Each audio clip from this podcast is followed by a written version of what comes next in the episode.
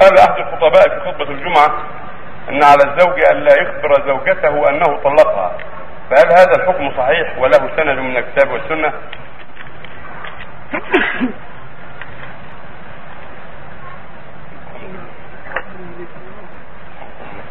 رحمك الله. عطف الانسان يبادر بالحمد لله. الحمد لله. يرفع صوته حتى يسمع من حوله وحتى يشمع. لا يستحي من حمد الله. يحمد الله ويرفع صوته اللهم لك يهدينا جميعا. الطلاق لابد أن تخبر به المرأة.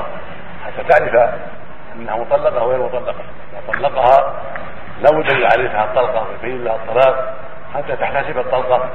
طلقها الثاني عرفتها إذا طلقها الثاني عرفت أنها حرمت عليه لابد أن يعرفها ذلك.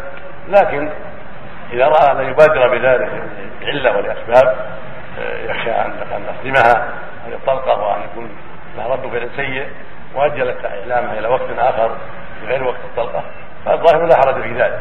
اذا أجل إعلامها بالطلقة إلى وقت آخر. يعني غير وقت الطلق الطلاق الذي تطلق فيه.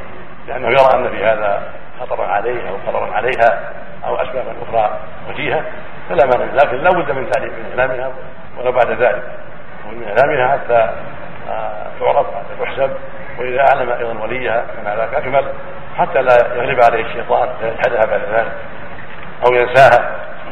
فإعلامها وإعلام وليها أمر مهم وحق لكن لا مانع من تأجيله وقتا ما إذا كان يخشى من ذلك مضرة عليها أو عليه فيؤجل بعض الوقت ثم يكبرها أو يكتبه عنده في كتابه يقيده عنده حتى لا ينسى وحتى لا آه، يستحلها بغير ما أنزل الله جل وعلا. آه، أحد الأخوة جاء بوثيقه آه، طلاق وقع بينه وبين زوجته في الطائف ما أدري إيش يقصد بهذا يعني تصور هذه الوثيقة. إذا كان في البيت. في البيت.